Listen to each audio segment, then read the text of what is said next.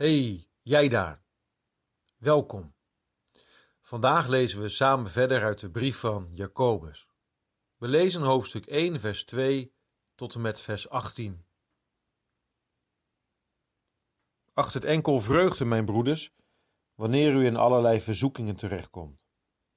Want u weet dat de beproeving van uw geloof volharding teweeg brengt.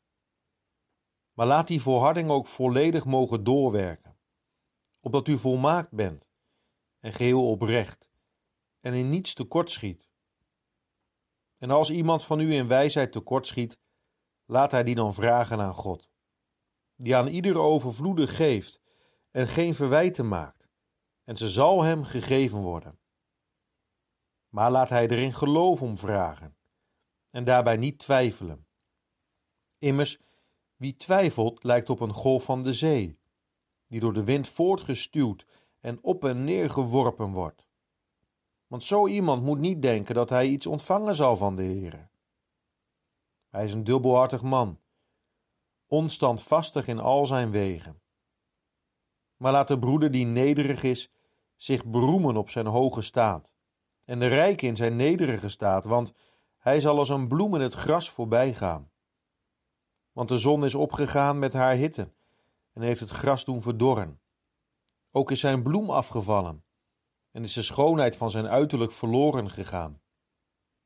Zo zal ook de rijke in zijn wegen verwelken.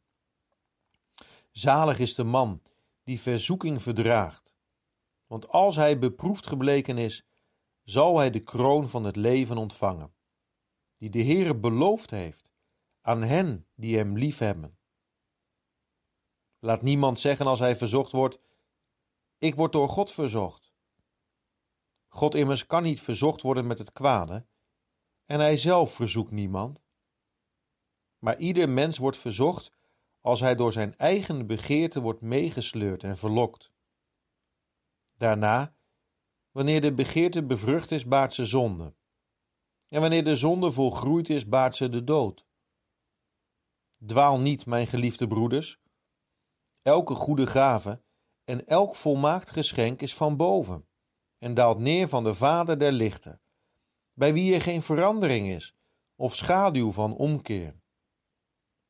Overeenkomstig zijn wil heeft hij ons gebaard door het woord van de waarheid, opdat wij in zeker opzicht eerstelingen van zijn schepselen zouden zijn.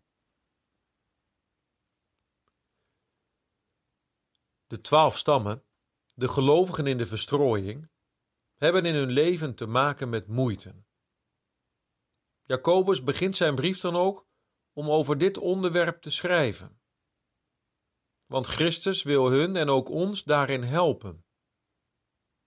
Jacobus legt uit dat gelovigen in hun leven beproevingen en verzoekingen zullen tegenkomen. De verzoekingen komen daarbij van de duivel. Hij brengt moeilijke dingen op ons pad in ons leven, met als doel om ons in zonde te laten vallen. Beproevingen daarentegen komen van de Heer. Hij test zijn kinderen, maar hij heeft daarin het goede met hen voor. Verzoeking en beproeving kan soms door dezelfde gebeurtenis. Denk bijvoorbeeld aan Job. Job verloor zijn huis, hij verloor zijn bedrijf. Ja, zelfs al zijn kinderen kwamen om bij een vreselijk ongeluk. En in al die erge dingen werd hij door de duivel verzocht, maar tegelijk door God beproefd. Misschien merk jij in deze tijd waarin wij leven een tijd van beproeving vanwege het coronavirus, waarbij, om eens wat te noemen, bijvoorbeeld de Bijbelstudieverenigingen niet door kunnen gaan, dat tegelijk ook jouw persoonlijke Bijbelstudie en je gebedsleven er zomaar bij dreigt in te schieten. Ja, ook in onze tijd van beproeving ligt de verzoeking op de loer. Daar word je niet blij van als het goed is. Hoe kan Jacobus dan toch schrijven? Acht het enkel vreugde, mijn broeders, wanneer u in allerlei verzoekingen terechtkomt. Denk even aan een examen. Om voor een examen te slagen is het nodig dat je vooraf hard oefent en dat je ook getest wordt. Deze testen of proefexamens kunnen soms best heel zwaar en moeilijk zijn. Maar ze zijn uiteindelijk, als je ze oefent, in je voordeel. Want als je door deze testen heen komt, zul je het examen uiteindelijk ook goed afleggen. God geeft zijn kinderen beproevingen om te testen hoe sterk hun liefde is voor Hem en om hun vertrouwen en liefde tot Hem sterker te maken door de beproevingen heen, met als doel dat wij de eindstreep halen. Daarom schrijft Jacobus ook: Zalig, gelukkig is degene die de verzoeking doorstaat. Want als hij beproefd is gebleken, zal hij de kroon van het leven ontvangen.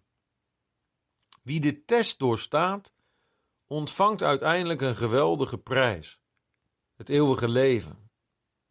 Jacobus noemt dat de kroon van het leven. Deze kroon ontvang je niet omdat jij het zo goed hebt volgehouden, dat jij de test hebt doorstaan. Ja, dat is wel belangrijk en nodig, maar ten diepste ontvang jij deze kroon omdat Christus in jouw plaats de doornenkroon heeft gedragen en in jouw plaats volmaakt de zwaarste verzoekingen en beproevingen heeft doorstaan, zonder Gods hulp. Wat een liefde voor jou. Het is deze liefde van God waardoor Hij de kroon van het leven belooft aan hen die God door beproevingen heen blijven liefhebben. Heb jij de Heere lief? Maar ken je tegelijk ook beproevingen? Hou dan vol. En dan kan je zelfs in de moeite van de beproeving toch ook blij zijn. Kijk maar naar wat je te wachten staat. Je zou eens dan de kroon van het leven ontvangen. Zullen we samen bidden? Heere God, dank u wel dat u ons in uw woord wil leren hoe wij om moeten gaan met beproevingen en verzoekingen. Wilt u helpen en kracht geven wanneer u ons beproeft met moeite? Helpt u ons om daar doorheen te komen? Dank u dat wij erop mogen vertrouwen dat u door beproevingen heen ons nog meer wil doen delen in uw liefde. Dat u, Heer Jezus, voor ons de zwaarste, de allerzwaarste beproevingen en verzoekingen heeft doorstaan. Wilt u het werk van de Satan verbreken en laat uw rijk komen. Amen.